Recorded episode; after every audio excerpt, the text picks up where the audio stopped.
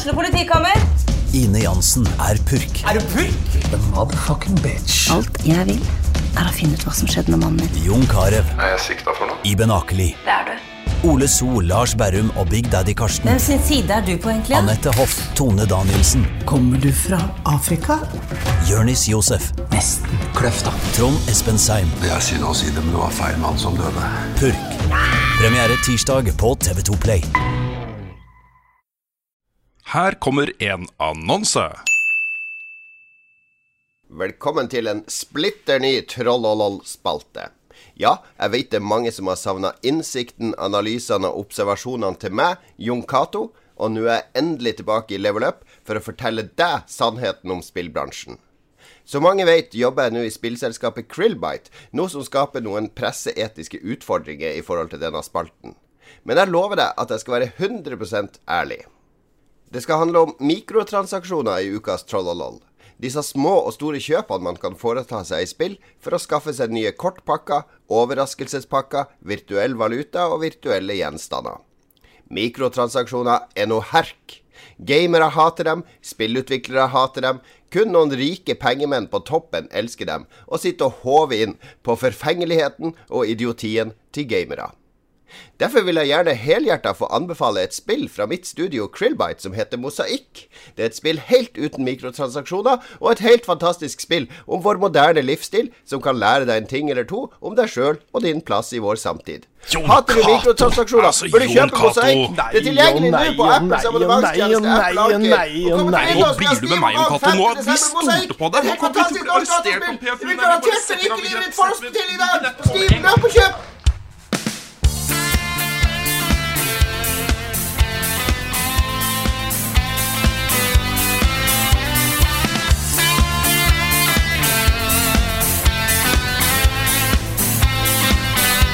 Hallo, alle sammen, og velkommen til en ny episode av podkasten Level Backup. Med meg, Frida Danmo. Med meg har jeg som vanlig Karl Martin Hogsnes og Rune Fjell Olsen. I dag er vi live på Telialigaen.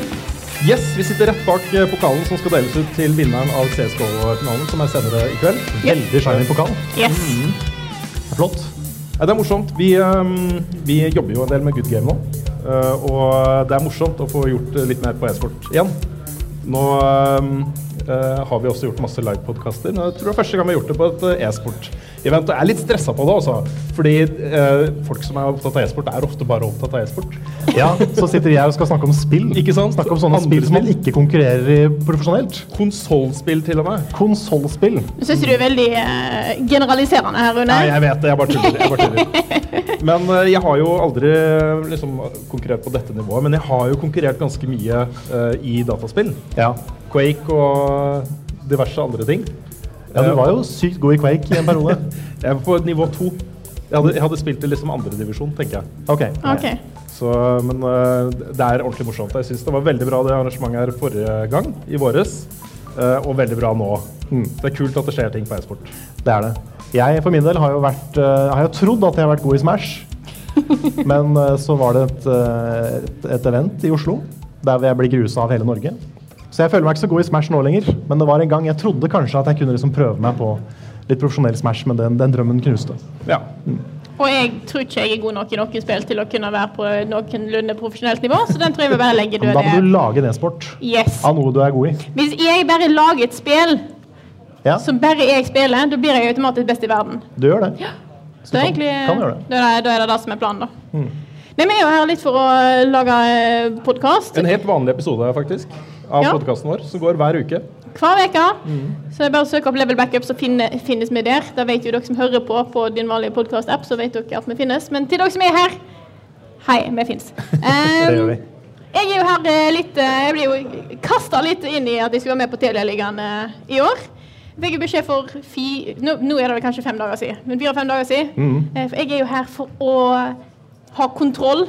Full kontroll over Telia sine Instagram- og Facebook- og Twitter-kontoer. Du sitter til og med her i en Telia-genser. Er, det har aldri vært så sponsa som det jeg er akkurat nå, tror jeg. Så eh, Er det litt sånn der Hei Rosa-bloggen? eh? jeg går jo rundt med eh, Det blir jo litt selfiefilming innimellom, og eh, det er jo jeg, jeg tror jeg har kommet over den biten der jeg syns det er kleint. Ja. Ja. Ja. for det går over etter hvert. Ja, det gjør det. Jeg merka det når vi har filma bakom-filmer. At etter hvert så slutter du å bry deg om alle de folka som ser at du sitter med selfie-cam og sånn. Men så er det litt, jeg tror jeg blir litt sånn fascinert, for jeg har fått lånt en helt ny fancy telefon, en OnePlus 7T Pro, og den har eh, Først så skal jeg prøve å finne ut hvor i svarte er selfiekamera på den her, for det er liksom skjerm over hele fronten. Ja. Og så fant jeg knappen for å liksom sette på selfiekamera, tenkte jeg, ja, ok, la oss se hvordan det her går. Og så kom bare selfiekamera liksom pop, på toppen av telefonen. Så ble jeg litt sånn der, oi, så søt. Og så liksom Jeg kom jeg, jeg over må legge på sånn her, den musikken vi pleier å legge på når det er sånn sponsa innhold. Ja. Ja da. Nei, vi er ikke, jeg- vi er ikke sponsa av den telefonen. Nei, ikke, nei. Det, det er vi ikke. Eh, og vi er jo heller ikke sponset av Telia, men jeg er jo Nei. her på vegne av Telia eh, denne gangen her. Så Mm. eh, de som har fulgt med på Telia sin Instagram, og vi har jo sett at jeg har Mm. gjort litt av hvert. da. Så det har liksom vært oppdraget mitt her i god Mm. Så en eh, måte, god unnskyldning til å kunne være her og se på alt det som eh, skjer her, for det er mye kult, altså. Ja, altså Veldig bra du kom nedover. Yes! Ja, da har vi muligheten til å samles fysisk og ha podkast igjen. og Det er ikke Ja, så lenge siden sist. Men det er veldig, veldig deilig når vi kan gjøre det. Slipper å gjøre det ved Discord og sånt. Ja, ikke sant? Slipper sånn delay på internett og sånne ting. Så er, eh, nå sitter vi samla, og det er alltid veldig hyggelig. Jeg er en sånn veldig eh, komfortabel, helt vanlig lung situasjon på stoler på en scene Ja, med masse lys. og absolutt folk ikke den største scenen vi har hatt podkast på ever. Nei, men Det er jo litt sånn der, eh, det å lage podkast er jo ofte bare en samtale. ikke sant? Man det er sitter og sitt- prater om spill. man sitter og prater, og så rekorder man det. Ja. Med litt sånn, Man prater litt tydeligere enn man ellers ville gjort. Og man Kanskje kanskje det. har litt mer energi, men utenom det så er det jo en, en samtale. Ja. Så sitter jo folk og bare spiller proft på hver side her av oss, så det er jo Ja. det, er, det er kult. Er det ikke bra at vi kom hit til liksom, scenen for å snakke om hva en podkast er? ja, ikke Ja. sant? Skal vi, skal vi gå videre eller til eh, neste spalte? Det Jeg kan kan vi snakke litt om hva man har spilt i det siste. Hva har du spilt?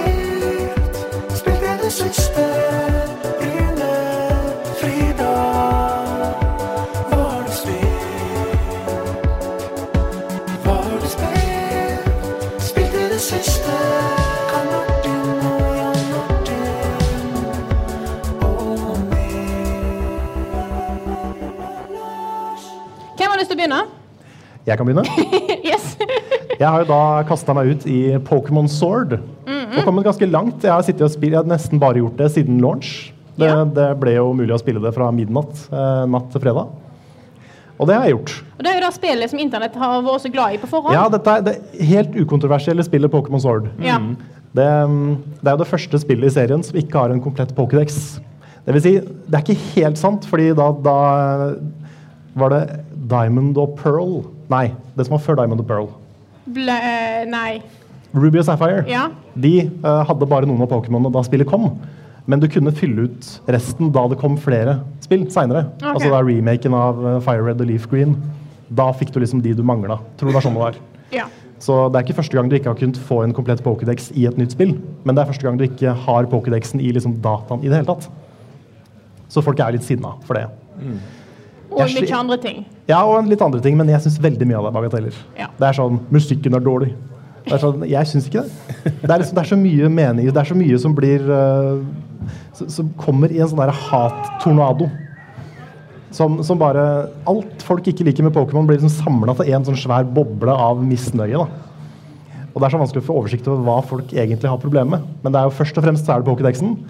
Og så tror jeg også det har mye å si det at Pokémon-spill har alltid vært veldig like. Det har ikke skjedd sånne store innovasjoner per spill. Jeg tror mange så for seg at siden dette her uh, var det første Pokémon-spillet på en hjemmekonsoll, som også er håndholdt, da, men, men også en konsoll du kan spille på en svær TV i trippel ast. ikke sant? Folk så for seg et sånt massivt Breath of the Wild-style Pokémon-spill. Jeg er så vant med at Pokémon ikke gjør store endringer per spill. Mm, Jeg prøvde å hause det opp. Ja, du gjorde det, men det, ja, jeg sa alltid fra at liksom, det, det skjer ikke. Ja.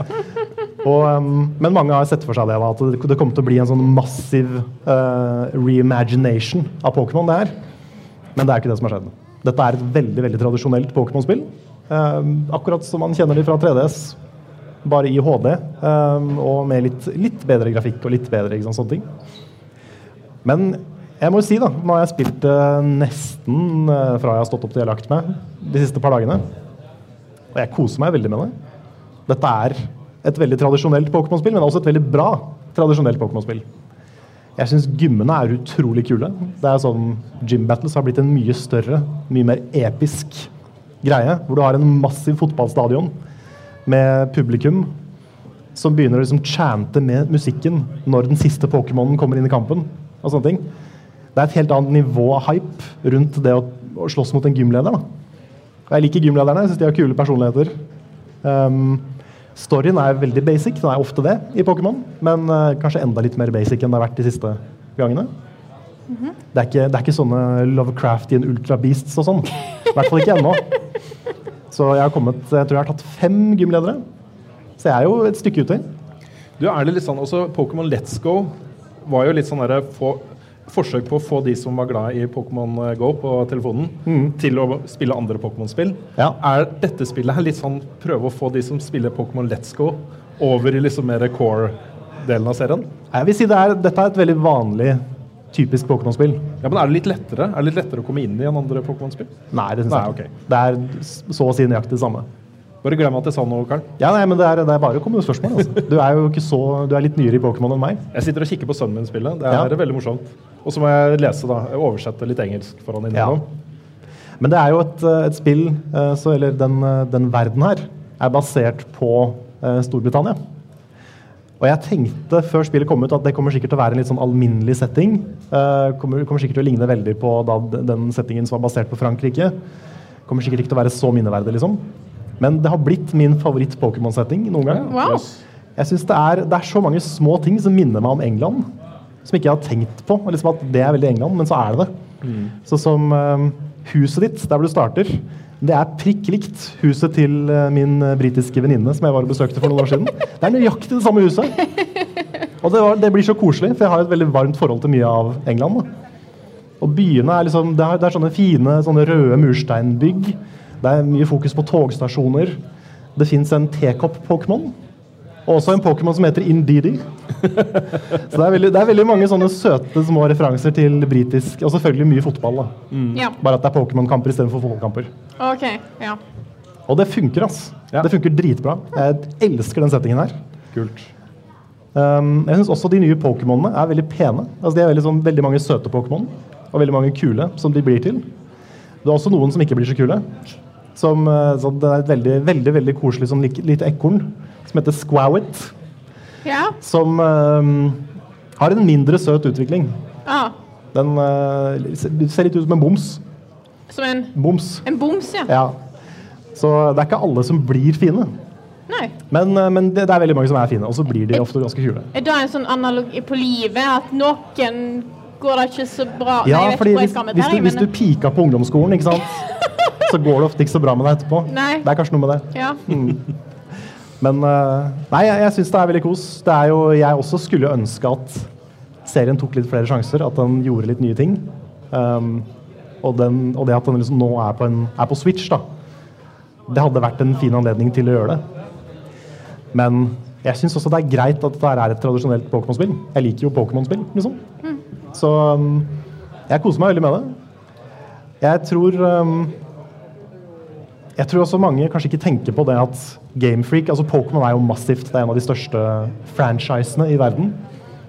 Men Gamefreak er jo et spillselskap som alltid har spesialisert seg på mindre håndholdte spill. Så det om de har erfaringa og kunnskapen til å lage et sånt massivt Breath of the Wild-Pokémon, jeg vet ikke, altså. Det er ikke sikkert de, Da må de bli et veldig annet selskap enn det er nå. Så um, jeg har liksom Jeg har ikke så store Jeg har ikke så høye innovasjonsforventninger til Pokémon-serien. Selv om jeg skulle ønsket det var annerledes, så um, koser jeg meg veldig med det de, det de lager.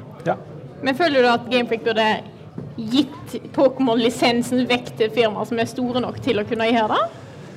Hvis noen tør. Ja, det er da, ja. Fordi du har jo de som gjerne vil ha mer innovasjon i Pokémon, men du har også de som klikker hver gang en bitte liten ting blir forandra. Det Fairy-type fairytype! Hva er det for noe dritt, liksom? Så det er, altså, Hvem enn som skulle tatt over denne lisensen, hadde de måtte visst hva de drev med. altså. Ja. Og det, hvis du skal forandre en liten ting, så må du forandre veldig mye. Ja. For det er jo så mange år med altså Pokémon og spill som må være bakoverkompatible, og Pokémon som må være kompatible med fremtidige spill. ja. Det er så mye å tenke på. Og det å liksom radikalt endre den formelen, det er vanskelig. Jeg skjønner at det er litt vanskelig. Så um, Det er potensial her. Litt sånn Ja. som eh, plutselig dukka jo Conquers Bad Fur Day opp. Som en slags respons på at ting var veldig søtt da, ja. på Nintendo 64. ikke sant? Eh, det er mulig å gjøre et eller annet gøy her, altså. Ja, altså jeg tror hvis de skal relaunche, altså hvis de skal forandre mye på Pokémon, så må de begynne fra scratch. Da må de scrappe alt som har kommet før. Og bare begynne liksom, Dette er nye Pokémon. Du kan ikke overføre noen ting. Du må begynne helt på starten. Dette er en ny oppskrift. Det er sånn de må gjøre det. Ja. Tror jeg. Okay. Og det er det sikkert mange som ikke vil igjen. ikke sant? Nei, det da. Så det er, den er tricky, den der, fordi Pokémon skal være så kompatibelt med så mye. Men, um, men jeg, jeg koser meg veldig, altså. Ja. Og så en siste ting. Den ene positive tingen med at ikke det er 1000 Pokémon i spillet, det er at jeg kanskje kommer til å fullføre Pokédexen. Hei! Og det har jeg bare gjort i Let's Go, for da var det 152. Nå er det noe sånn 400 og noe. Så vi får se. Kanskje, kanskje jeg prøver å få en full Pokédex. Pokédex. Lykke til. Takk, takk. Har du lyst til å fortsette, Rune? Det kan du godt. Jeg har jo spilt masse gøy. Du har spilt masse gøy? Ja, jeg kan jo begynne med det som jeg dessverre har fått spilt kortest. eh, og det er jo Red Dead Redemption 2 på PC. Ja. Ja. Dette er jo spillet jeg har runda tre ganger på PlayStation. Så du trenger å gjøre det en gang til på PC? ja, jeg vet ikke om det blir å runde det. Men jeg skal, jeg skal teste ut eh, online og mods på PC. Det gleder jeg meg kjempemasse til. Men det ser jo bare så latterlig lekkert ut. Når jeg først fikk det til å funke, for jeg også hadde oppstartsproblemer, som mange andre har hatt. Når jeg først fikk det til å funke, så var det utrolig smooth på PC. Så jeg er glad for at eh, det spillet nå er tilgjengelig for en, eh, en annen eh, plattform. Egentlig. Det er kjempeålreit. Eh, det nyeste jeg har brukt masse tid på, er jo Star Wars Jedi Fallen Order. Ja, nå er jeg Ja. veldig spent på hva du syns. Du vet hva? Det føles litt som en sånn callback til eh, klassisk Uncharted. Eh, du har liksom utrolig flotte backdrops, men veldig Hva skal man si Konkrete, bestemte brett. da. Du er på brett hvor du har paths, og du skal dit og dit osv. Uh, Ok. det er ikke en open world. Foreløpig, i hvert fall. Um, og det føles ganske godt, fordi det er så godt designa. Og det er masse forskjellige alternative ruter og hemmeligheter. og uh, sånn Metroidvania kommer tilbake når du har fått en ny ability-type ting. Uh, og så plutselig så er det svære puzzles som er kompliserte, liksom. Kompliserte nok, da. Til at du ikke bare går inn og flytter på disse ballene og plasserer de her, og så er du videre, liksom. Men du må tenke, og du må bruke fysikk, og du må og det er, Den kombinasjonen er dritkul. da. Og så har du jo selvfølgelig eh, Dark Souls Combat. Ja. Og den For det er litt sånn som, det er litt sånn som Dark Souls. Altså, hvis du, hvis du har vært uh, interessert i og nysgjerrig på Dark Souls-spillene, uh, men syns de har vært for vanskelige Også Dark Souls-serien har jo bare én vanskelighetsgrad. Eh, her kan du velge å spille på easy. Også du får den samme type opplevelsen med kontring og dodging og uh, sånne ting. Um, men du kan velge å det, det som i praksis skjer, er at eh, fiendene uh, gjør mindre damage på deg, og du uh, gjør mer damage på dem. Ja. Så det er på en måte Du, du har den samme fighten, men den varer kortere, og det, det er ikke så utilgivelig da, hvis du gjør noen feil. ikke sant? Det er meget godt laga. Veldig, veldig godt laga. Du sklir gjennom det som sånn kniv i varmt smør. på en måte. Det bare føles så godt da, å spille det spillet her. Jeg har ikke kommet langt nok til å på en måte mene om det er dritbra hele veien gjennom eller ikke. Men eh, det er kanskje det beste Star Wars-spillet jeg har spilt så langt. Um, nå har jeg da ikke spilt uh, Kotor-spillene, Nei. så jeg må bare ta det som en disclaimer. Men jeg har jo spilt uh, Jedi Knight-spillene, som har vært mine favoritter fram til nå. Dette føles, De lightsaber-battlesene her føles utrolig kule, altså. Kjempekule. Og Respawn har jo uh, lagd uh, De skapte jo Call of Duty-serien. Uh, de har lagd Titanfall-serien. De kan singleplayer, liksom. De kan gode, engasjerende singleplayer campaigns-opplevelser. Og det er det du får her. Og ja, jeg tror det er um, Jeg gleder meg veldig til å se liksom, hvor det går. da. Det er en god story. Og dette foregår da mellom episode 3 og episode 4. Ja, for dette er jo etter Order 66, ikke sant? Je Jedis er borte Ja. helt. Det er ikke noen Jedis igjen. Eller også, Or are they? Or are they? Ja. Eh, det er jo ikke noe hemmelighet at han du styrer, er jo en eh, Jedi. Han har eh, tilgang til The Force. Mm. Han Carl? Ja, Men han har gjemt seg da på sånn Scrapper-planet, ikke sant? hvor han bare gjør ting uh, forholder seg skjult og viser ikke fram kreftene sine. eller noen ting. Så skjer det da selvfølgelig noe som gjør at han må bruke disse kreftene, og så er det i gang. ikke sant? Så dette handler om å gjenoppbygge uh, Jedi-ordenen. Litt sånn som en annen film som har kommet ganske nylig i Star Wars-serien. Ja. Så um, ja. Nei, Jeg er veldig happy med spillet så langt. Det er uh, utrolig behagelig rett og slett, å spille. Det er sånn derre triple A blockbuster sånn som det skal være. Og det føles godt også. Og så nevner jeg bare kort Dette kommer jeg til å snakke mer om seinere. Dette må jeg dessverre snakke om seinere. Jeg trodde jeg var Jeg hadde kanskje håpa jeg var ferdig med det. Men jeg har runda Death Stranding en gang til. Du runda det en Jeg har gang runda det en gang til. Jeg er Ja. så langt fra platinum, Frida. så jeg har spilt det ganske mye, da. Ja. Mm. Og det gjorde jeg fordi jeg ante da jeg var ferdig med det Da var jeg ganske sur Ja. på spillet. Men jeg ante at jeg hadde missa etter det. Og etter at jeg hadde missa. Jeg skjønte ikke helt liksom hvorfor jeg likte det, ikke likte det bedre. Så nå har jeg spilt det en gang til, uten tidspress, uten deadline. Eh, bare chill på kvelden på fritiden min, liksom. Helt annen opplevelse.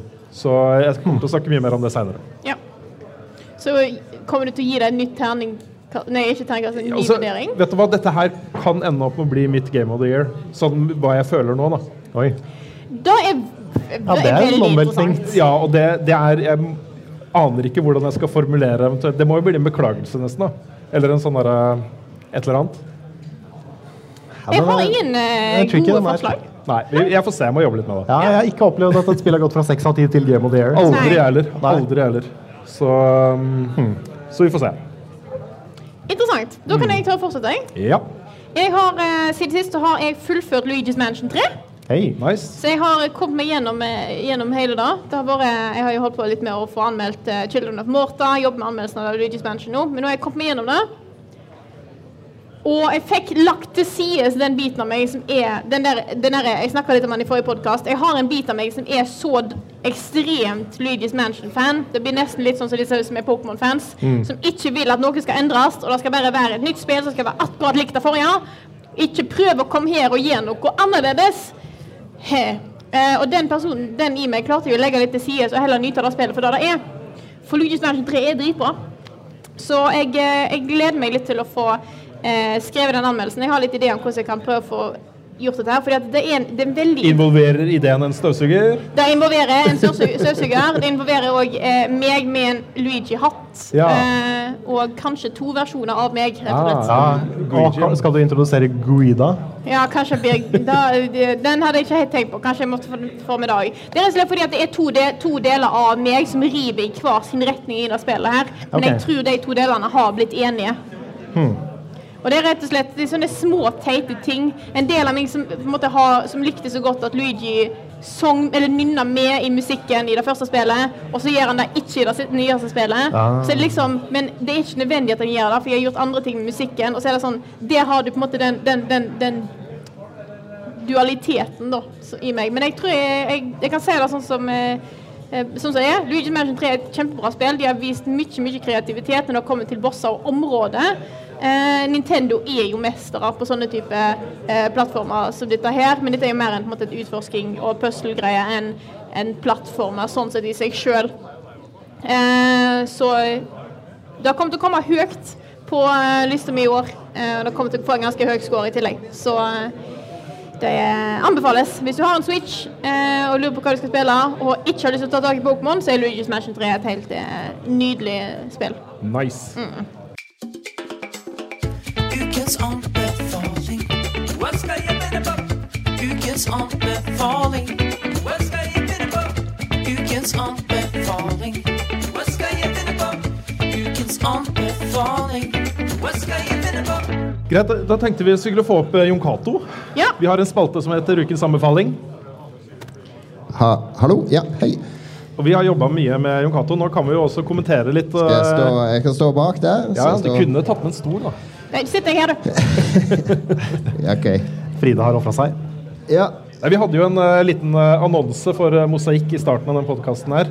De som Ja? Ja, så den spilte jo ikke av i salen her. Men vi må kommentere det litt, fordi vi hadde jo et stort problem hvis altså, Du spurte om du kunne få lov til å annonsere hos oss. Ja, altså, jeg, jeg jobb, For de som ikke vet, så jobber jeg med å lage spill nå i Krillbite Studio. Og vi har akkurat lansert et spill på Apple Arcade, som også kommer på Steam nå i desember. Så i forbindelse med det så har vi et markedsføringsbudsjett. Ja.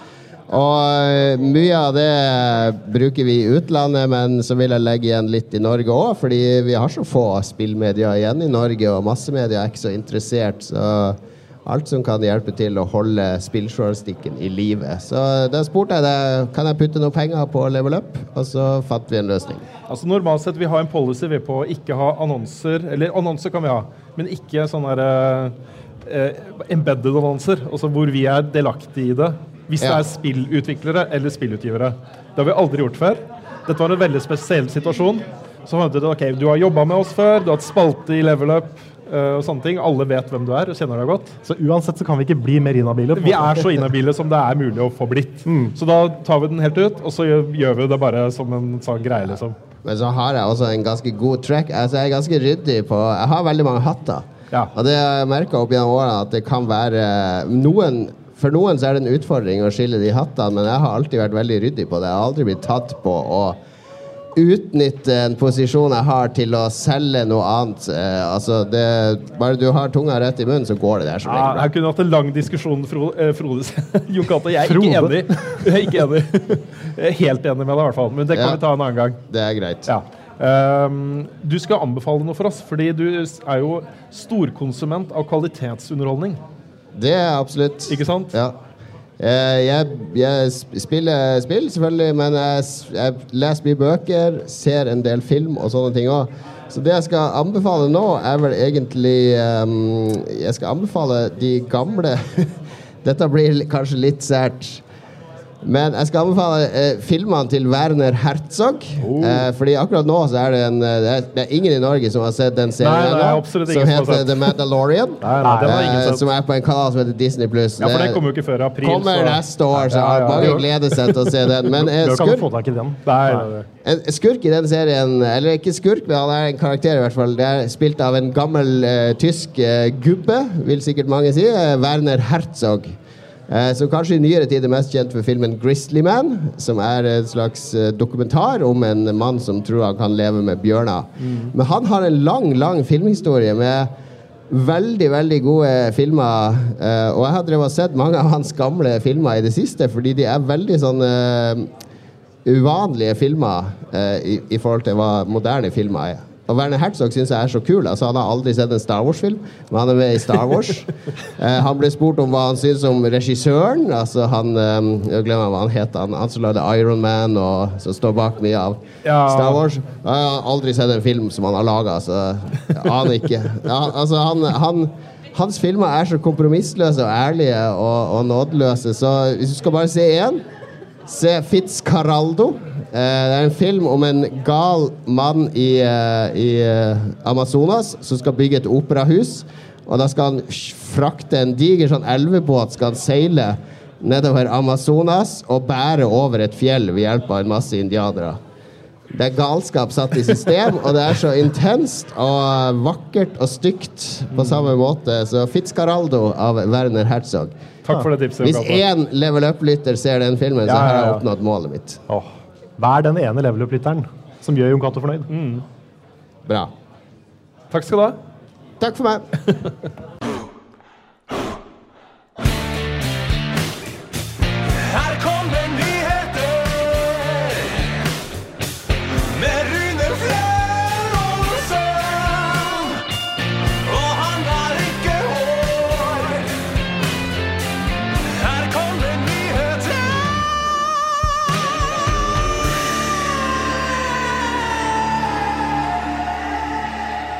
Ja, vi må jo begynne med det vi er på nå. Ja. Det var jo noen finaler i går hvor uh, Nordavind har jo seila fram som en, eh, en, eh, et powerhus i norsk e-sport. Powerhouse, Powerhus, en herlig Powerhus. kombinasjon Ja, av engelsk og norsk. sorry, sorry, sorry. En power-leilighet. ja, ikke sant. Nei, de, de, eh, Nordavind slo jo da Fact 3-1 i League of Legends-finalen. Uh, og de tok også um, seieren i Rocket League mot The Razzle Dazzlers. Eh, og det er, det er tredje tittelen på fire sesonger i League of Legends. Og den femte strake tittelen eh, i Rocket League. Og så får vi se, da. Eh, ja, det er spennende. Ja, for det er jo, de skal jo straks ut på semifinale nå. Så er det jo Nordavind mot Riddle, så vi får nå se hva, hva som skjer. Det blir veldig, veldig spennende. Kan det bli trippel Nordavind? Da blir det Henrik? Nordavind i alle kanaler. Ja. Og det er veldig gøy. Eh, det, er, det er veldig gøy å se en så proff satsing også. Eh, det er veldig inspirerende, tror jeg, for eh, de andre klubbene rundt omkring i Norge å se liksom hvordan veldig veldig fokusert satsing kan gi resultater. Da. Så gratulerer til Nordavind. Veldig morsomt. Og så har det da vært X19, eller X019, eh, som er den store høstpressekonferansen til Microsoft. Hvor de hadde ganske mange fete nyheter. Ja, den var ganske stor også. Ja, det var mye greier. Og de hadde jo varsla det på forhånd at dette her kom til å, her kom det svære announcements. Og vi kan jo nesten ta den største. Jeg vet ikke hvor, eh, hvor eh, greit det er å glede seg til nye Rare-spill nå lenger. Altså, Rare var jo kongene på 90-tallet ikke sant? og Mm. tidlig 2000-tall. Ja, de, lagde, de har lagd noen av tidenes beste nå retrospill. da. Ikke sant? Um, men de eksisterer jo fortsatt. Veldig mange av de som jobber der, har jo begynt i andre selskaper, så derfor er det sånn her. Ja. ja, for Rare lever jo nå i skyggen av Rare, på en måte. Ja, ikke sant? De er jo ikke den, den de var lenger. Nei, men nå kommer de da med et spill som heter Everwild, og vi vet ikke så mye om det ennå. Annet enn at dette er satt i en veldig sånn vakker fantasy-setting Mm. med flotte dyr, og du har liksom mennesker som går rundt og er eh, liksom litt langt nede på, eh, på rangstigende samfunnet her, liksom. Eh, Ikke rangstigen, hva heter Næringskjeden. det? Næringskjeden. Ja. Og så Det er litt primitivt, Mm. men veldig sånn magisk og fantastisk. Ja, og- veldig sånn in touch med naturen. ikke sant? Ja. Uh, som, det ser jo kjempebra. Jeg har ingen anelse om hvordan det spillet blir, eller hvor, uh, uh, om det blir noe bra. Men det er gøy å se en stor, saf saftig, ny greie fra Rare, altså. Så håper de er tilbake. Det er jo, nå vet jeg ikke noe om dette, om dette er et spill som er uh, Games as a Service, eller om det er Open World, eller noen ting, men uh, jeg håper jo det er en litt mer sånn storydrevet, lukka opplevelse. Ja. For jeg har ikke lyst på enda et Sea of Thieves fra Rare, kjenner jeg. Nei. Så jeg, jeg håper jo at dette er en litt mer sånn uh, Dette er spillet. Spillet er ferdig når det kommer. En opplevelse. Ja, jeg tipper at det har Hvis jeg skal, hvis jeg skal tippe, da, så tror jeg at det er en co-op-greie, liksom. At du med tribes og, og sånne ting, at du kan lage lag med kompisene dine uh, og gjøre ting sammen. Jeg, det har jeg ganske sterk mistanke om, altså. Ok? Ja. Og så ble det sluppet en ny trailer for uh, Microsoft Flight Simulator, og jeg God damn, altså. Der fikk vi en wow fra Jeg salen. al- hadde aldri trodd at jeg skulle bli så gira på et eh, Flight Simulator-spill som det der. Har dere sett traileren, eller? Ja, så, på, så det live. Det ser så lekkert ut. Dette er på en måte Planet Earth, the video game.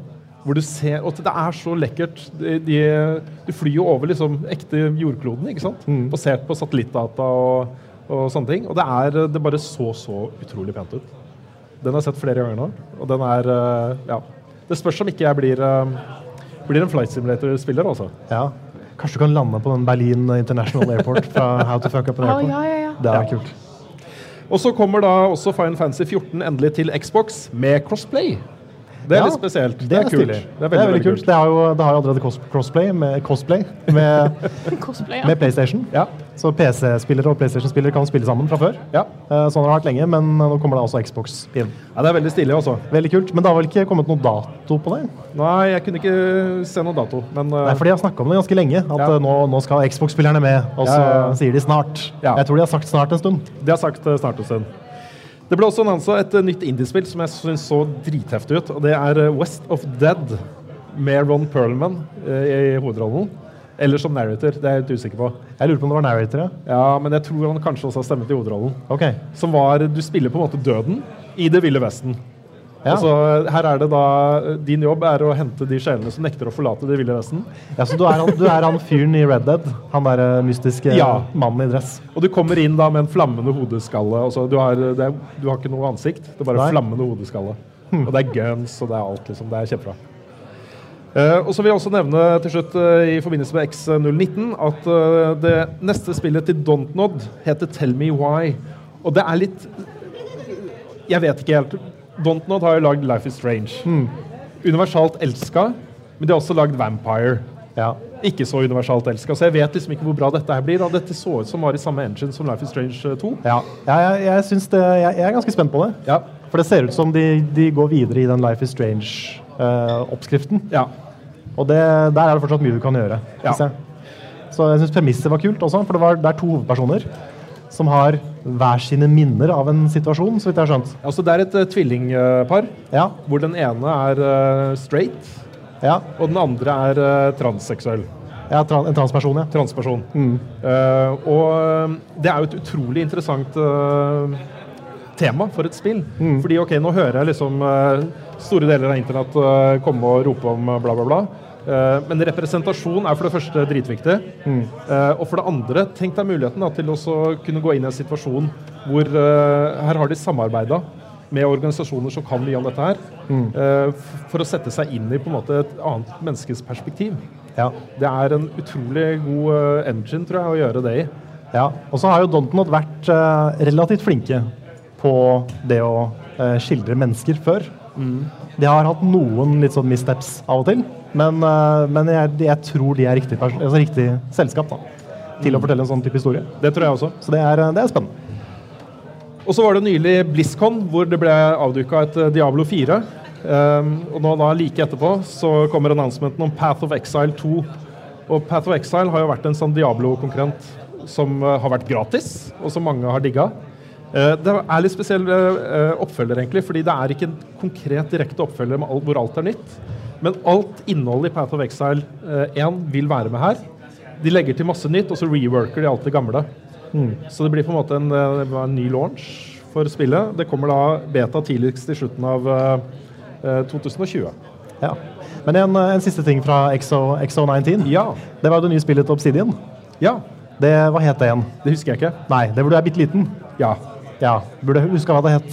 Ja. Ja. Men, eh, men det er da et spill som virker som det er et survival-spill. Hvor du, er, du, du kan teame opp med venner. og er, Du er bitte, bitte, bitte liten. Du er en sånn maurstørrelse. Okay. Og skal utforske da en hage, virker det som. Eh, og litt sånn survival-type. Det, det så litt spennende ut. Så jeg vil bare nevne det.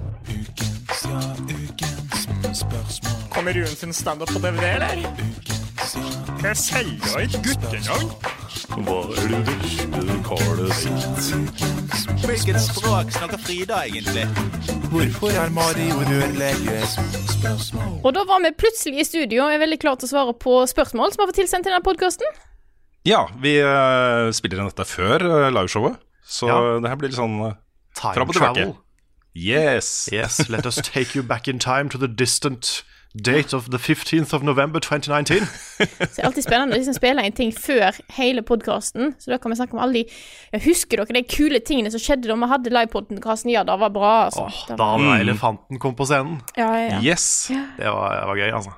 Ja, det var litt dyrt å leie Garden da, til å liksom spille for oss. Ja, Men, det, må vi, eh, det må vi tenke gjennom neste gang. Ja. Ja, jeg tror Eller det. bare finne et litt mindre orkester eller noe sånt. Ja. Ikke sant? Mm. Det er rart vi ikke spør om pris på forhånd. Men bare liksom, Kanskje dere bare gir det til oss og diskuterer med resten etterpå. Det var veldig rart av det, men ja. Nei, men vi har nå litt spørsmål. Eh, for det er én ting som vi må snakke om denne uka her. Karl. Det er det. Det er det. Og vi har fått inn flere spørsmål. Eh, vi kan ta spørsmålet til Hans Erik Michaelsen. Spør Syns dere det nye designet til Sonic redder filmen litt, eller er det helt katastrofe? Og skal jeg være ærlig, så var det katastrofe før. Men ja, hva skulle du si, Rune? Nei, bare, det, det kan jo hende at noen ikke har fått med seg forhistorien her. Ja. Uh, at vi bare går litt kjapt gjennom hva som uh, har skjedd her. Fordi uh, det kom jo en Sonic-film med Jim Carrey og greier og greier. Hvor originaldesignet på Sonic fikk jo internett til å koke over. Det var jo ikke sånn Sonic skulle se ut. Eh, og det ble så mye at, at produsenten av filmen bestemte seg for å lage Sonic på nytt, og det har de nå gjort. Det var bakgrunnshistorien. ja. Og så er det spørsmålet om er, var den første et PR-stunt, eh, og at det var på en måte bare en fake-versjon som de ikke hadde tenkt å bruke. Jeg vet ikke, jeg. Men eh, den Nei, jeg, tror, første jeg, var tror i hvert. Jeg tror fall ikke Nei, ikke jeg. Jeg tror heller ikke Det det. virker som en eh, konspirasjonsteori for meg. Ja, jeg tror det var var ja, et det- forsøk på å få det Sonic til å virke mer eh, virkelig, og så fucka de det opp så inn i granskauen. Ja, det her, er, det her er liksom konsekvensen av at folk eh, som ikke kjenner til Sonic eller har noe forhold til Sonic i det hele tatt, har sett på den figuren og bare «Nei, Vi kan vel lage den figuren her bedre? Uten å ha noe liksom forståelse av Ja, det er, det er på en måte her, et veldig, veldig tydelig bilde på hva som ofte går gærent med spillfilmer. Ja. Fordi det er folk som har fått lisensen og fått muligheten til å lage film, og så har de hatt feil folk til å ta beslutningene her, og så har det da endt opp med en sånn der øh, creepy, rar, pelsete, muskuløs uh, Sonic som uh, ikke funka for noen. Mm. Så nå har det kommet en ny en. Uh, han er litt mer, eh, litt mer cartoony. De prøver seg fortsatt på to øyne i versjonen. Eh, Ja, det gjør de. Ja da. Men han har fått, eh, han har fått hansker, eh, og han, han ser ikke så Ja, hva er ordet?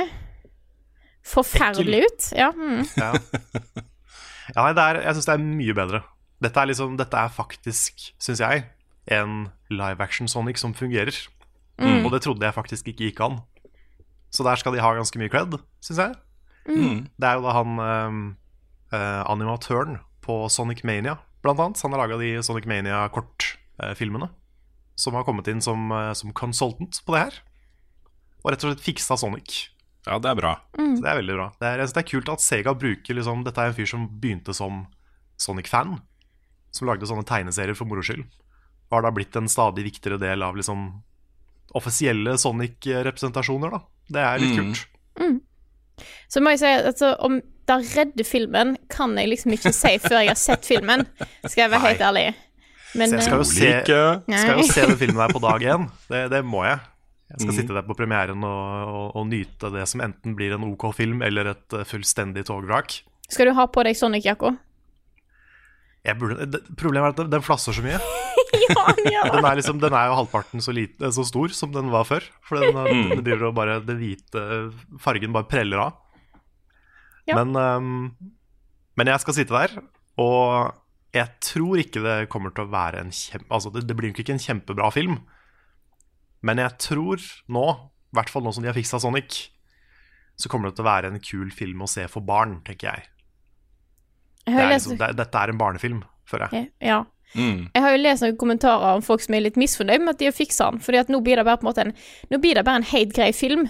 Men det som var på en måte det som det var tidligere, at det, var potensialet for å bli et forf en forferdelig film på det på, liksom At det blir oh, morsomt. Ja. Så nå er dere litt misfornøyd for at de mista liksom meme-statusen på filmen. Ja, sånn, er ja fordi vi, fikk, vi kunne fått The Room, men så får Ja. vi ikke The Room.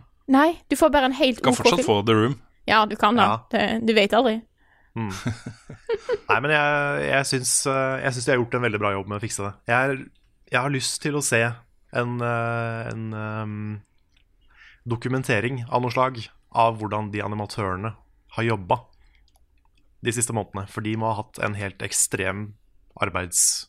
Uh, en helt ekstrem uh, utfordring foran seg Mm. på så Mm. kort tid.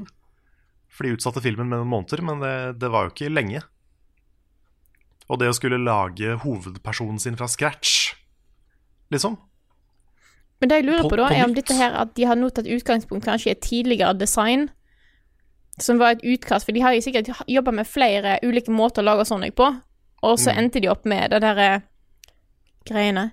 Eh, og så har de nå på en måte innsett OK, vi må gå litt mer tilbake igjen til the roots, og kanskje har funnet tidligere design som funka, og så har de brukt det som utgangspunkt, så de har ikke starta helt på null med hele idéfasen, i hvert fall. Nei, men jeg tenker på sånn animasjon, da. Fordi det Animasjon er jo, og rendring. Ja, Mm, ja, animasjon sant. og rendring og lyssetting og bare, bare det å frame et bilde. Fordi han, er jo, han er jo kortere nå enn han var. Ja. Han var jo mye høyere og mye mer sånn menneskelig propor- proporsjonert. Han var ti meter høy før. Nei, men de har jo, Det er så mye som er helt annerledes. Mm. Ja. Og det, det er mye jobb, altså. Ja, det er det. Det er jo Ja, det, det, jeg kan ikke se for meg hvordan de folka må ha jobba. Uff, stakkars folk, altså. Så de, de fortjener en medalje av noe slag. Mhm. Og jeg håper, de, jeg håper de fikk bra betalt for de månedene. Ja, de vet du, sitter, har de sittet og jobba livet av seg og mista kone og barn og alt mulig rart eh, fordi de har jobba livet av seg. Så Mm. kommer filmen, og så er alle bare sånn Meh. Men dette her, ja, men det- de har gått fra liksom, Det er en film som ikke lenger kommer til å ødelegge hele Sonic-franchisen. Det er i hvert fall Ja, noe. ja, Ja. det er noe. Her er det potensialet vet du, til spin-offs og merch og alt mulig Ja, ja. rart. Åh, Men merch. spørsmålet nå Det er jo hvor lang delay blir det når de viser Tales? oh. Vet vi at Tales er i filmen? Nei, vi gjør ikke det. Neste Jeg har, en, jeg har en følelse av at det er en sånn eh, enten helt på slutten eller en post credits med Tales. Mm. Det er min prediction. Og han er i samme stil som første Sonic. Men hadde det ikke vært enda mer morsomt hvis det var Shadow da, som kom inn? ja. Jo, det hadde vært, det hadde vært morsommere. Mm. Men jeg hadde blitt mest glad for å se liksom Tales og Knuckles, f.eks. Ja. Det hadde vært litt, litt stas. Jeg tror hvis de hadde på slutten bygd opp til at det kom en oppfølger der Shadow er the bad guy, så, så blir jeg mer hyped. Det er, sånn er det bare. Men det er Ja. mm. Det- Med guns. Med guns. Med, med guns, ja. Ja. Ja. Mm. Yes. Skal vi, skal vi gå videre til neste spørsmål, folkens? ja, vi kan det. Ja. Kan kanskje gjøre det. Har dere et Ja. eh, på lager? Sitter dere klar med et Opp til flere. Ja, kjør på. Okay. Uh, det kommer rett fra um, Sinfor etter hvert, eh, Carl, så du kan jo ha Ja. uh, eh, musikken eh, klar. I, I hear you. Men jeg har lyst til å svare på et spørsmål fra um, eh, Sander Lintner eh, Sevland, som eh, skriver Nå for tiden hører vi mest fra Rune, Carl, Frida og Nick. Hvordan går det med Lars og Svendsen? Fremdeles en del av gjengen. Og det er det jo absolutt. Alltid. En, for, ikke sant? Alltid. Og og var Yes. med på Noscope og uh, julebord og sånne ting, liksom. Uh, det at de ikke produserer for oss, er jo etter eget ønske. Ikke sant? De, Mm. vi, har, vi har ikke bedt dem om å slutte å produsere, vi, snarere tvert imot. Men vi vil jo ikke legge press på det heller, ikke sant. Fordi eh, Level Up er jo et uh, I hvert fall når det gjelder deg, Frida, og Nick, uh, som hjelper til masse. Dere gjør jo det litt av charity. Også dere får jo ikke langt, på langt nær så godt betalt som dere burde ha fått, ikke sant? Um, så det må være basert jeg vil ikke si at det jeg gjør, er direkte charity, men jeg Nei, ja, det er jo ja. ikke direkte. Du får, du får jo betalt, men poenget mitt er at du må, du må ha overskudd og tid til å bruke fritiden din til å produsere det innholdet her. Mm. Eh, og det er jo uh, særlig når det gjelder Lars, da. Han har jo fulltidsjobb andre steder, som kommer seint hjem og sånt. Det å begynne å produsere ting for oss da, komme hjem sliten fra jobb klokka åtte, liksom. Jeg skjønner at det ikke er så lett, altså. Mm. Så um, de er velkomne tilbake til å lage ting når som helst. Det er de, absolutt. Det er jo uh, ingen av oss som ikke, ikke savner mer Lars og Svendsen-video, liksom. Mm. De er jo dritflinke begge to. Mm. Absolutt. Så sånn er det. Vi, ja. vi har jo en utfordring, eh, fordi det er jo massevis av spill som kommer nå som vi ikke får tatt, rett og slett. Fordi er alle vi fire som produserer ting hele tiden, vi sitter jo konstant med det ene etter det andre nå, ikke sant. Og vi Mm. får, rekker jo ikke overalt. Så på et eller annet tidspunkt ganske snart, hvis vi får inn litt mer penger, bør vi hente inn et par anmeldere til, tror jeg også. Som Det er eh, nok, kan eh, bistå. er nok ikke dumt, det. Nå sitter vi jo, akkurat nå sitter vi jo med hvert vårt svære spill. Mm. Mm. Så det er, eh, det er en utfordring å få tid til alt. Ja. Jeg kan jo nevne det også. Du sitter med Pokémon, Carl. Mm. Jeg har ikke fått koden ennå, men i dag kommer jo eh, Fallen Order. eh, For meg. du sitter med eh, Luigi's Mansion 3, Frida. Ja, jeg har jo snakka om det tidligere i podkasten, som vi ikke har spilt inn ennå. Eh, Ikke sant? men da, yes. Ja. Og Nick sitter med The Outer Worlds. Og det er liksom svære ting, liksom. Vi kan ikke bare legge fra oss det for oss å spille noe annet interessant som kommer heller. Vi må jo gjøre oss ferdig, ikke sant. Må det. Mm. Kan ikke ikke dekke det spillet her. Nei. Nei, sant det det òg. Og så er det så mange andre spill, så En ting er de store spillene, sånn som nå vi tar tak i. sant? De vi tar nå, er jo de, de store, de som veldig mange kommer til å spille. Men du har så veldig mange av de små, kule spillene òg, som blant annet jeg ofte tar tak i, da, for det er på en måte det tidsscope som passer min schedule. Mm. det Mm. er så mange av de små som, ikke, som ikke alltid er så lett å få dekka i tillegg, og det er, det, det er synd. Ja, det er synd. Men det, det, det kan ikke Det kommer altfor ma alt for mange bra spill. Problem i 2019 det er for mange gode spill. Ja. Hvis du kan si at det er et problem. Vi kan hoppe videre. Det er sånn delvis relatert til uh, Sinfor-spørsmålet, Carl. Ok, ok. Da kommer det Det er da spørsmål fra Trond Sinfor Borg- Borgersen. Death Stranding er et spill som får mye delte meninger, og som både blir elsket og hatet. Hva er det mest originale og kanskje snåleste spillet dere har spilt før? Oh. Ja Snåleste Jeg har lyst til å nominere um, uh, Stanley Parable. Det er, ikke det, det er ikke det rareste, kanskje, men det var det som lekte mest med konvensjoner og, og bare var en sånn jevn strøm med kule overraskelser. For hver nye gang du spilte det spillet, så oppdaga du noe nytt, og de hadde med vilje lagt inn liksom helt nye storylines og alt mulig rart. da Mm, mm. Helt enig. Snålespill, ja. Jeg må jo jeg, jeg kan jo ikke ikke nominere Baba Is You fra i vår. Ikke sant? Ja. For det var jo bare så herlig, og så rart satt sammen på en, helt, på en sånn genial måte. Mm. Eh, Det er jo det som er der du skal flytte om på ord for å endre fysikken i spillet. Eh, Det er det jeg kom på nå, i hvert fall. Jeg kan tenke litt Mm. mer mens, mens dere snakker. Jeg tror det må bli Doki Doki Literature Club, altså. Å ja. Ja. Det, er nok, Det det, er nok det snåleste spillet jeg har spilt. Mm. Ja, det, jeg, elsker, jeg elsker spill som bryter, uh, bryter konvensjoner, og leverer noe som du ikke forventer i det hele tatt. Nå uh, blir det jo ekstra sterkt i et sånt spill som Doki Doki, som du tror er én ting, og så viser, at, viser det seg at det er noe helt annet.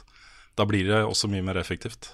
Jeg syns da Jeg setter mer og mer pris på det jo flere spill jeg spiller. Mm. Noe som gir noe nytt. Minit, for eksempel, og sånne ting. Som jeg ofte tar opp Ja. i sånne settinger.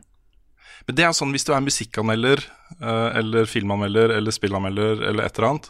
Jo mer du gjør dette her proft, da, eller som en jobb, liksom, jo mer setter du pris på den type ting. Og jeg tror det er ofte derfor du ser liksom autørfilmer få høye, eh, også gode anmeldelser da, av, eh, av filmanmeldere. Fordi de setter pris på kanskje liksom de der detaljene som mange andre ikke setter pris på. da um, mer, så sette mer pris på det. Det er forfriskende når du har sett 100 Marvel-filmer, og så kommer det noe som bare er noe helt annet og liksom bra, da. Så blir du ekstra glad, tror jeg. Det gjelder oss også, oss også når det gjelder uh, gode uh, spill som gjør noe helt nytt. Kan jeg trekke en liten analogi her? Uh, en liten avsporing. Da jeg jobba på Dyrebutikken, så, som jeg jobba på i ti år, så er jeg veldig eh, akvarieinteressert. Og hver gang vi da måtte jeg først har vært borti de standardfiskene, sant, kampisk, eh, neontetra, den gjengen, så er det kule ting. Men dette blir jo veldig få særinteresserte da når jeg nevner dette. Men det var hver gang vi fikk inn et eller annet rart. Et eller annet supersært av en fisk. Det, han så kanskje utrolig teit ut, eller et eller annet. Og da på en måte ble jeg så fan av den tingen. Så jeg er jo på en måte fan av rare malle og ål. Det er mine liksom favorittfisker, fordi at de, de er sære. De er annerledes enn det, på en måte, Hmm. det som en blir vant med. Og det blir litt På en måte litt det samme. Så mm. Baba is you er din malle. Ja. ja. Ja. Ja, jeg må også nevne Katamari Damacy. Det er Ja, også er sånn ja. eh, Da det kom, liksom. Å, det var gøy. That's a good one. Ja. Men apropos, da, for å eh, trekke enda en sånn fin Segway her. Ja. Mm. Fordi eh, du nevnte ti år i dyrebutikk. Mm. Og Tord Tveit har et spørsmål her. Dere har tidligere snakket om at det dere holder på med nå, er det dere brenner for. Før dere starta i VG og etter hvert Indie, var det noen jobber dere måtte gjennom hvor dere bare mislikte eller hata hvert minutt av det, før dere landa drømmejobben? Det var ikke Dyrebutikken, bare sånn at jeg sier det. Ja. Nei. nei. Du har Ja, en sånn i Jeg. Ja. Begynn med deg, Carl. så kan eh, Ja. Ja, jeg kan jo nevne to. Jeg kan begynne med den, den jeg hadde kortest, heldigvis.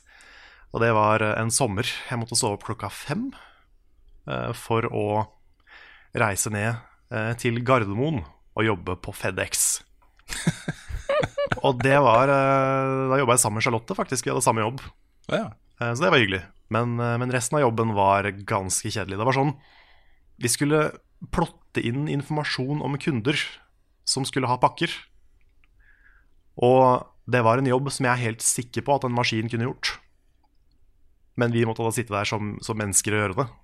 Og det var så hjernedødt. Det var så drøyt kjedelig. og eh, det var nesten ikke jeg holdt ut den sommeren. Det var, det var helt grusomt.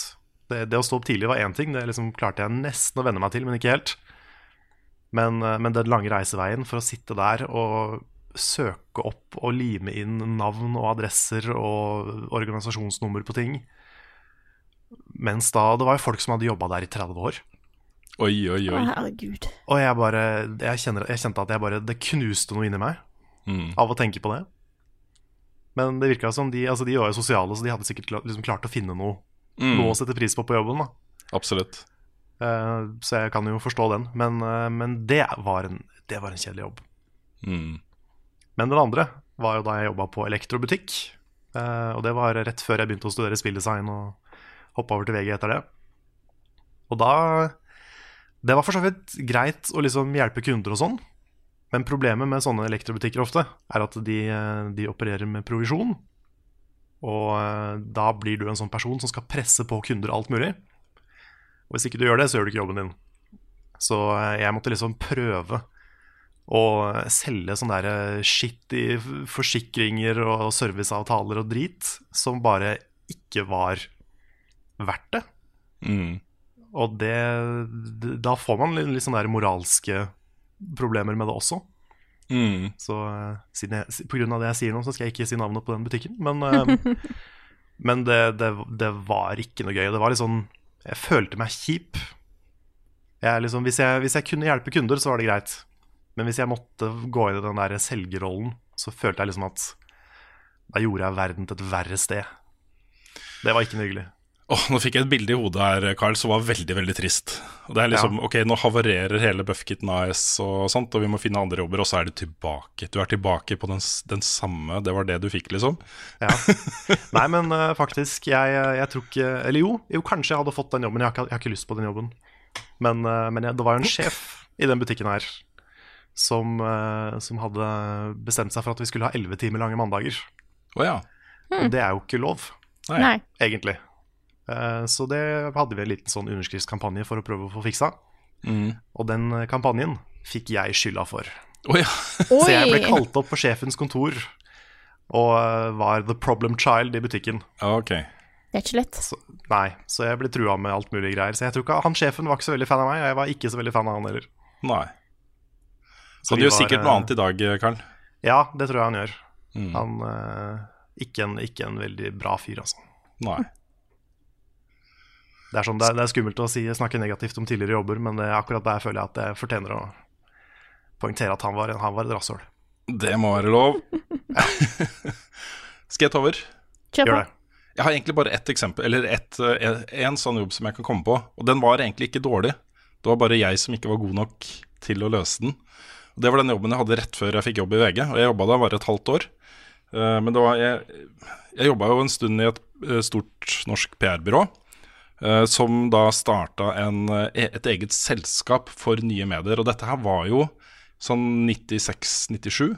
Så det var helt i startgropa på at eh, norske bedrifter skulle ha en satsing på internett og ha en tilstedeværelse på internett og sånne ting. Og det var ikke så mange i Norge som kunne det godt, da.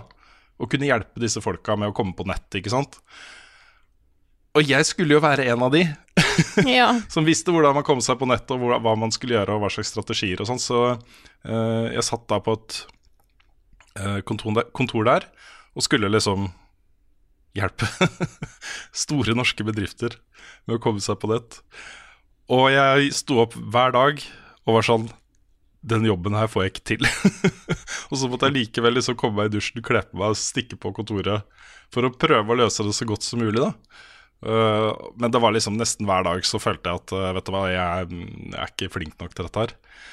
Og det, var, det er ubehagelig, altså. Det er skikkelig ubehagelig å være i en sånn situasjon. Så uh, jeg ble litt um, fornøyd da Frode, som har vært sjefen min i mange forskjellige jobber, uh, sa at de hadde, skulle beefe opp satsinga på VG og trengte flere folk til uh, VG Multimedia. Det var bare en liten avdeling. Det var tre, tre ansatte i VG Multimedia da jeg begynte.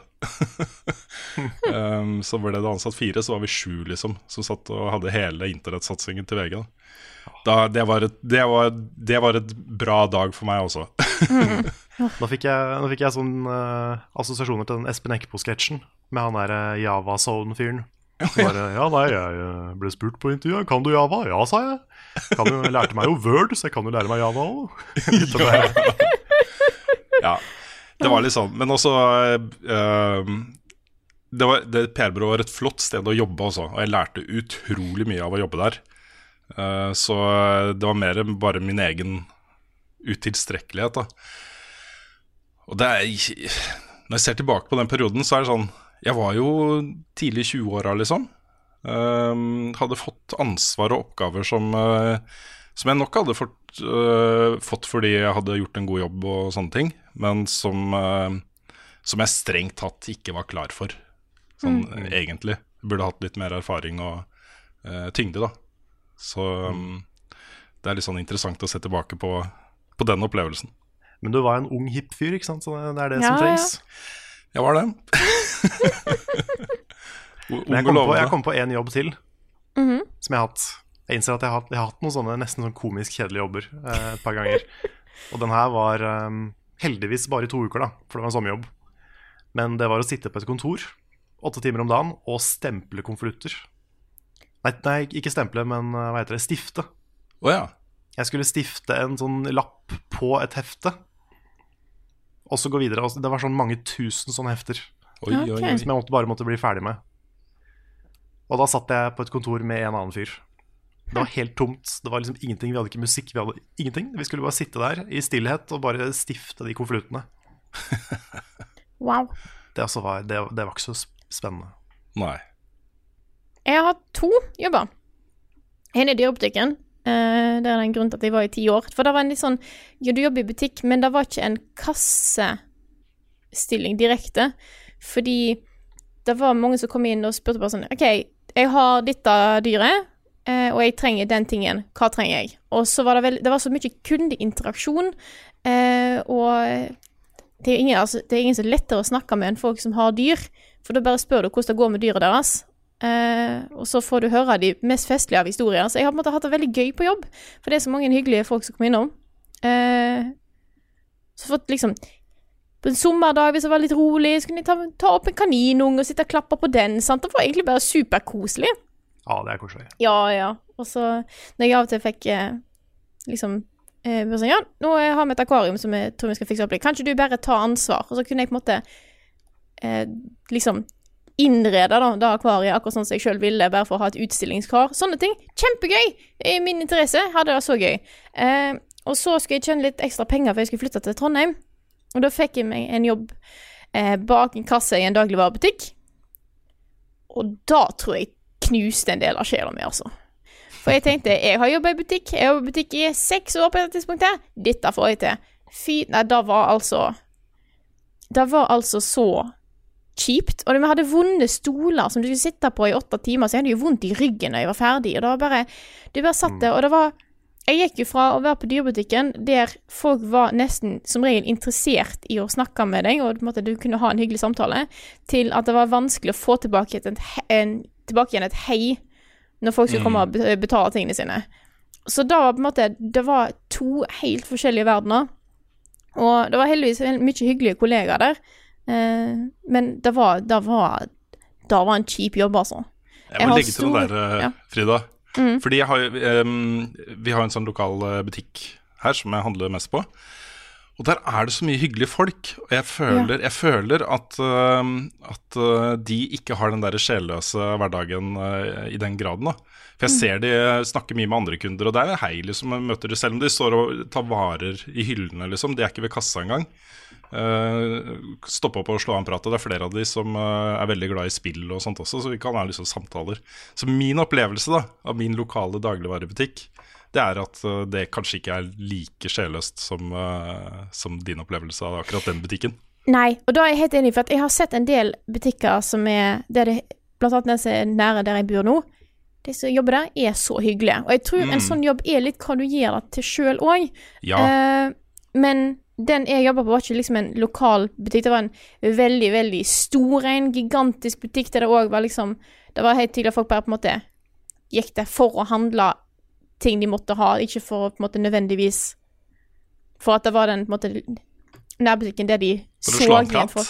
Ja, ja, sant. Men det, det, var, det var Jeg prøvde jo, men det var liksom bare når Etter hvert når du Hver gang du sier hei, og det er bare på en måte ikke en lyd tilbake igjen, så blir det Mm. sånn Ja. du mister Og så i tillegg så var det For meg så var det ikke en Jeg tror hvis du jobber på en sånn plass fast, så kanskje jobber du litt ekstra for å få det til å bli en hyggelig del av liksom Mm. det du gjør. Men jeg var der bare innimellom en gang i uka, eh, og det var bare noe jeg på en måte følte jeg måtte gjøre for å tjene litt penger der og da.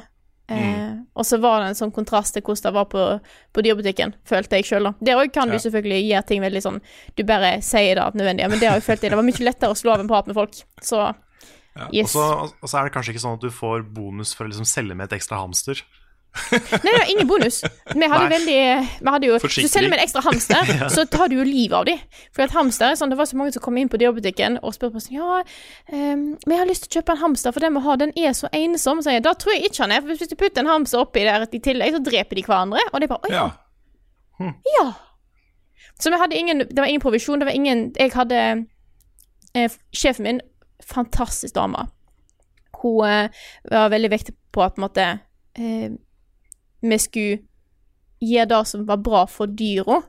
Mm. Sånn at vi anbefalte det som var best for dyra. Det var ikke sånn at jeg nødvendigvis Jeg har nekta salg av fisk et par ganger. Eh, for jeg sa at måtte, de ville ha en fisk som jeg vet blir altfor stor, som ikke passer i det karet. Og da blir det egentlig regna som eh, dyremishandling. Så da sa jeg at denne her eh, fisken vil jeg ikke selge deg, faktisk. Vil du si at de kundene var litt uh, fishy? yes. Oh, nei, så da, det var veldig sånn fokus på at på en måte, eh, jeg kunne At det var liksom du skulle selge det som faktisk var rett, og ikke bare liksom for å pushe på et salg. Og da, da hjelper. Ja, det, det tror jeg på. Mm. Det, hjelper nok veldig. Mm. Jeg må legge til en ting om den lokale butikken min også. Ja. Fordi det var eh, Jeg leser jo Aftenposten på morgenene, og da var det en helsides annonse fra den kjeden. da hvor det var bilde av alle de som jobber i den butikken, kåret til Norges beste butikk i den kjeden. ikke sant? Og jeg ble litt stolt. jeg ble litt glad. Så det var liksom, jeg var jo på den butikken seinere den dagen og bare gratulerte alle med, med pokalen og sånn, ikke sant. Det var, Bare high five alle butikkene. butikken. ja, det var, nesten, det var nesten på det nivået der. Så Mm. står den store pokalen står jo nå ved kastene, ikke sant. Jeg tror Det mange er det som- samme på min lokale Kiwi, det òg har vunnet beste. Så de har en sånn svær pokal stående i ene kassen. Ja. Egentlig skikkelig, skikkelig koselig. Ja, det, er det. er, det er viktig å være høflig og hyggelig mot folk som jobber i butikk. Altså. Ja, For det er, mot de får er så mye drit. Ja, viktig å være høflig og hyggelig mot alle, egentlig. Ja, ja, absolutt. Men sånn når det kommer til folk i offentlig Altså sånne ting, det er da, som, som må deale med mennesker hele dagen, det kan Mm. være ganske jævlig. Og du, du, du ser jo ikke alle de fæle kundene de får.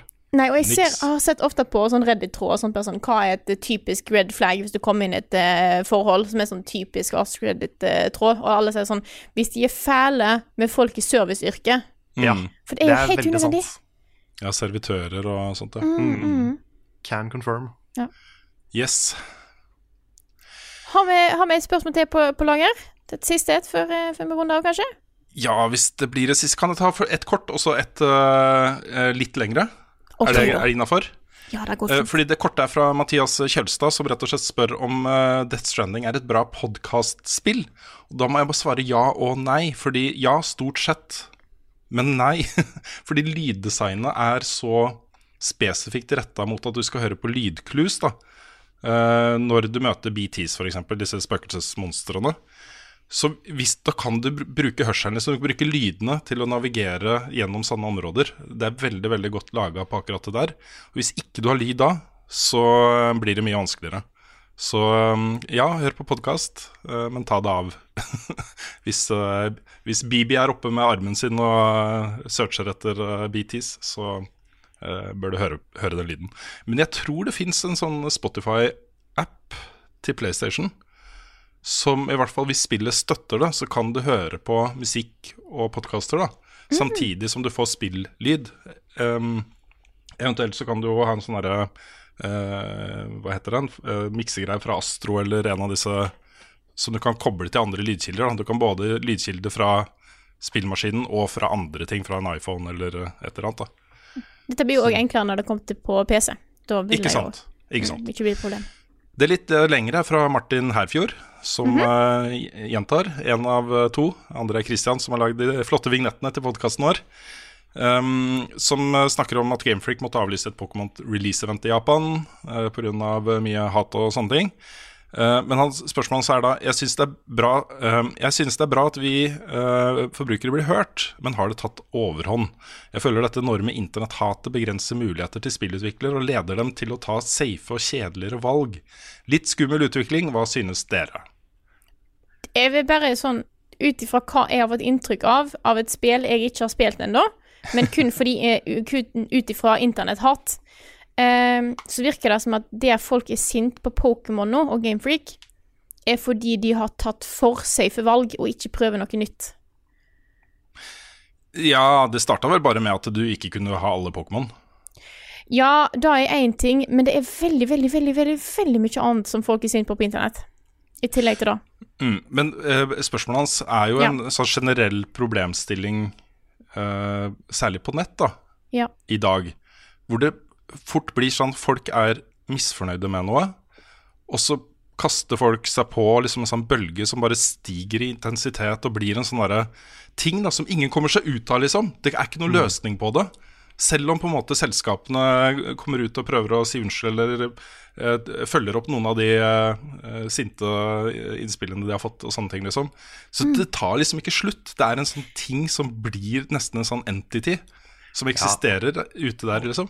Og folk hauser opp hverandre og blir Ja. mer sinna. Og jeg tenker på det litt med den Pokémon-greia, at liksom når en av de største hashtagene på Twitter er 'Gamefreaky-lied', liksom. Ja. Wow. Og det er, det, det, det er en så kjip måte å framstille noe på. Du kan gjerne være misfornøyd. Du kan gjerne kritisere valg Gamefreak har tatt, men liksom bare gjøre det til en sånn slem sånn monster av en utvikler, liksom. Mm. Alle de folka som sitter der og jobber med det. Det, det, er så, det er så lite produktivt. Mm. Jeg, blir så, jeg er så lei av sånn internett rage. Og så er det jo det at Jeg så en kommentar her nylig om endringen av Sonic-designet, blant annet. At dette var resultatet av at, har, at internett har cyberbullia et helt filmselskap. Og det er jo litt eh, interessant når du tenker på det. Det er jo faktisk Ja, det- bare Det er to sider av det der, altså. Mm. Det er sånn Jeg er veldig glad for at de fiksa det, og at de hørte på uh, de som sa dette er ikke bra, liksom. Ja. Men sammen med de, da, så har det jo vært utrolig mange douchebags og utrolig mye bølling. Mm. Og det er jo den delen som ikke på noe som helst måte er bra. Jeg har liksom en følelse av at øh, Fordi øhm, øh, mange spill har jo mange misfornøyde spillere. Det er fordi alle spill har mange misfornøyde spillere. Og det er jo særlig øh, høylytte på Reddit, subredditen til det spillet. Ja. Men også andre foraer hvor de samles, da. I de fleste tilfeller så blir jo alle tilbakemeldinger behandla som konstruktive, på en måte. Hvis det er en veldig generell oppfattelse av at det og det våpenet er overpowered i det og det spillet, eller sånne ting, liksom, så oppfatter i hvert fall jeg at de selskapene jeg følger, og de spillene jeg følger, der uh, hører utviklerne uh, på den type konstruktive tilbakemeldinger, da akkurat det som skjer rundt Pokémon, og det som er eh, for så vidt rundt Blizzard, og også eh, Sonic-filmen og sånne ting, er litt sånn egne, litt sånn separate ting. Og så Ja. Det vokser på en måte ut av fanbasen. Det blir en sånn stor ting som folk kommer inn fra sidelinjen for å bare være med på ragen, liksom. En Ja. litt sånn uhåndgripelig greie, da. Som slutter å være konstruktiv, og bare blir sånn kjip. Fordi ok, her har du um, et valg Gamefreak har tatt. Vi skal bare ha 400 eller hvor mange det er Pokémon, ikke alle, eh, i uh, Sword and Shield. Den beslutningen må vi ta. Vi har tatt den, og nå lager vi spillet basert på det. Og Så kommer reaksjonene, så sier de at vet du hva, vi måtte bare gjøre det sånn. Eh, det er sånn vi lager dette spillet, og beklager. Um, og så er det liksom ingen, ingen respons da fra den mobben, ikke sant? I det Nei, hele tatt. de Det var er ikke noe sint. Ja, dette kommer, det, det her kommer ikke Gamefreak til å gjøre noe med. De har tatt det valget, ikke sant? Mm. Det er Det handler om måten en legger fram kritikk. Mm. For du kan gjøre det på en god, konstruktiv måte og si at hei, nå, dette her eh, Vi skulle ønske at dette her var her. Ikke bare sånn derre Faen ta Gamefreak for et drittselskap som ikke klarer å gjøre noe som helst korrekt. Blim, bim, bim, slår i, slår i bordet med et eller annet sånt. eh. Og alle som jobber der, bør eh, dø en smertefull død. og- Ja, det er sånn, altså må dere ta det så langt, tenker jeg. Det fins Jeg skjønner jo at hvis på en måte Problemet nå er at når en ser at når folk hater såpass mye at de klarer å endre en hel film, så begynner kanskje folk å tenke å, dette var en god måte å gjøre det på. Mm. Litt sånn fortsette å true og sånt, det er bra. Det er en god måte å gi beskjed tilbake til folk. Ja, det er, eh, det er komplisert, det der, altså. Det er det. For det er, det er så mange, um, sånn uavhengig av hvilke Holdt på å si eh, hvilken kritikk jeg er enig eller uenig med, da. Jeg er jo enig med Sonic-filmkritikken, men jeg blir også skremt av det at en internettmobb, da, for å kalle det det, selv om ikke det bare er en internettmobb, men, eh, men at de, har så, de får så mye makt. Mm. Ja. Og den makta det, er ikke- det er ikke alltid forbrukere vet hva de vil ha, f.eks. Det, er ikke- det er ikke alltid det er bra at de får bestemme. Nei. Det er det er liksom sånn at eh, man må kunne lage noe man brenner for sjøl, og Mm. ha tro på det sjøl, uten at en komité av randoms skal bestemme det. Det er litt kjernen i det Martin eh, spør om også. Mm. At, eh, for dette er ganske massivt. Liksom. Jeg skjønner at det er vanskelig å stå i sånt press hvis du har en eh, creative vision ikke sant? med hva du har lyst til å lage, og så kommer internettmobben og sier nei, det syns vi ikke du skal lage. Det er vanskelig å stå imot det presset. Men jeg tror det er en del selskaper som har liksom innsett at dette er en veldig veldig sånn høylytt minoritet i mange tilfeller. da At Mm. folk flest ikke er på den greia i det hele tatt. At folk flest um, tar liksom de tingene de skal konsumere for det det er. da Uh, Og du har jo sett eksempler hvor du har fått den type mobs mot uh, serier. Marvel, uh, Star Wars, hvor de har bare gått andre veien. Det var en par scener, særlig én scene da, i uh, siste Avengers-filmen, som jeg følte var veldig sånn der svar på en mobb, da. Som hadde prøvd å påvirke liksom, utviklingen uh, i en annen retning. Mm. Det, Det er sant. Det kan nok Jeg, jeg vet ikke, jeg også, men eh, jeg, jeg skjønner at folk er stressa for, for de tingene. Det er også noe med de Disney live action-remakene. Mm. For de føles noen ganger som en sånn respons på kritikken av originalfilmene. Sånn om at eh, altså, liksom, de prøver å tette plot holes, som, som folk på internett har poengtert. Mm. Det er en, en veldig bra video av Lincy Ellis på YouTube om eh, 'Skjønnheten udre', som går litt inn på det. At sånn, ja, men han, hvis han bare var 14 år da han ble et udyr, er ikke det ikke sant? Sånne ting. Folk har tenkt en del på de tinga der, da. Uh, og det virker da som om den nye filmen har bare prøvd å rette opp i alle de tinga. Fordi han er veldig selvbevisst på alle de plattformene. Ja. Så jeg vet ikke om det stemmer, men det føles litt sånn. Mm. Så at der også har på en måte internettmeninger kommet inn og forandra noe, da. Mm. Jeg syns det er spennende hvordan internett har gitt ei mye sterkere stemme til enkeltpersoner, eh, som da sammen kan på en måte bli veldig tydelige på, på nettet. For du kommer veldig mye tettere på de som er utviklere. Eh, la oss, Før internett måtte du, hva måtte du gjøre? Du måtte sendt et brev, eller Mm. skrevet et sint innlegg i en avis. Nå er det liksom så enkelt å bare å samle folk og på en måte komme med sine meninger på en plattform der det er lett for utviklerne å se det. Og da har sine fordeler og ulemper. Fordelene er at du, kanskje, at du får mer kontakt med de som forbruker innholdet du lager, men det negative er jo hvis det blir misbrukt, eh, og du ender opp med en sånn type sint mobb som bare er, er, er, er hate for å hate. Mm. Mm. Og så er det veldig ofte det kommer veldig sterk kritikk fra mennesker som ikke har peiling Ja. på hva de snakker om. Uh, og det, jeg kan jo bruke Pokémon som et eksempel. da Fordi det har jo, Jeg vet ikke hvem det er som har gjort det. Jeg har bare fått med meg at det er noen youtubere som har gravd opp noen sånne 3D-modeller. Og så ja, men disse er jo de samme modellene som i 3DS og sånn og sånn. Så de kan jo ikke bruke det som en unnskyldning. Men det er jo noe helt annet å bruke de modellene i HD, med helt annen lyssetting, med nye animasjoner for nye angrep, og for nye spillmoduser. Du har den der Gigantamax, eller hva det heter. Gigamax. Det er jo masse som må, ja, det er jo masse som må lages. Selv om det kanskje er de samme modellene, så har de gjort masse med dem for å få de til å funke i HD. Og det syns jeg ikke liksom folk skal tvile på, men det, det ignorerer de. da Det er sånn, nei, nei, det er bare de samme modellene, så de har bare, de har bare porta de inn og blitt ferdig. Det tok, Mm. et- tok ti minutter, liksom. Mm. og det er, det, er, det er den tingen som folk hauser seg opp over, og så er det ikke sant. Mm. Det er bare tull. Det er, liksom, det er noen som har framstilt dette her som om de veit hva de snakker om. Så har de ikke peiling, og så har 10 000 folk sett det på YouTube og blitt like sinna. Ja, for de er helt enige, sant? For de er bare sånn Hør ikke, han ja. her vet hva han snakker om. Ja, ja. ja men da stemmer Ja, det, da stemmer det. Da kan jeg jo være modellen, sånn hei. Ja, nettopp. Og det er, så, det er så teit. Det er så kjipt. Ja. Jeg blir så oppgitt av å se sånne ting. Det er litt sånn rage fra folk som ikke har peiling. Mm. De har aldri satt seg inn i spilldesign. De aner ikke hva det vil si å lage spill. Og så kaller de utviklere for late. Og det også er så provoserende, fordi fuck det. Mm. Ja. Det er så mye crunch og stress og drit i den bransjen. Bare ikke, ikke kall folk late. Det er en sånn der, eh, ganske klar bevegelse nå, det ble en litt sånn digresjon, da, men eh, i, eh, blant spillutviklere nå, um, om sånne couch game developers på YouTube, som eh, aldri har laget spill, aldri ikke vet noe om å lage spill, men som uttaler seg på en måte som, som uh, får de til å fremstå som om, om det var de som var game director for det spillet her, så hadde det blitt bra. Fordi de kunne bare gjøre sånn og sånn og sånn, og så hadde det blitt bra, liksom. Um, og spillutviklere er så sure på den type holdninger da, til det å lage Jeg skjønner det så godt.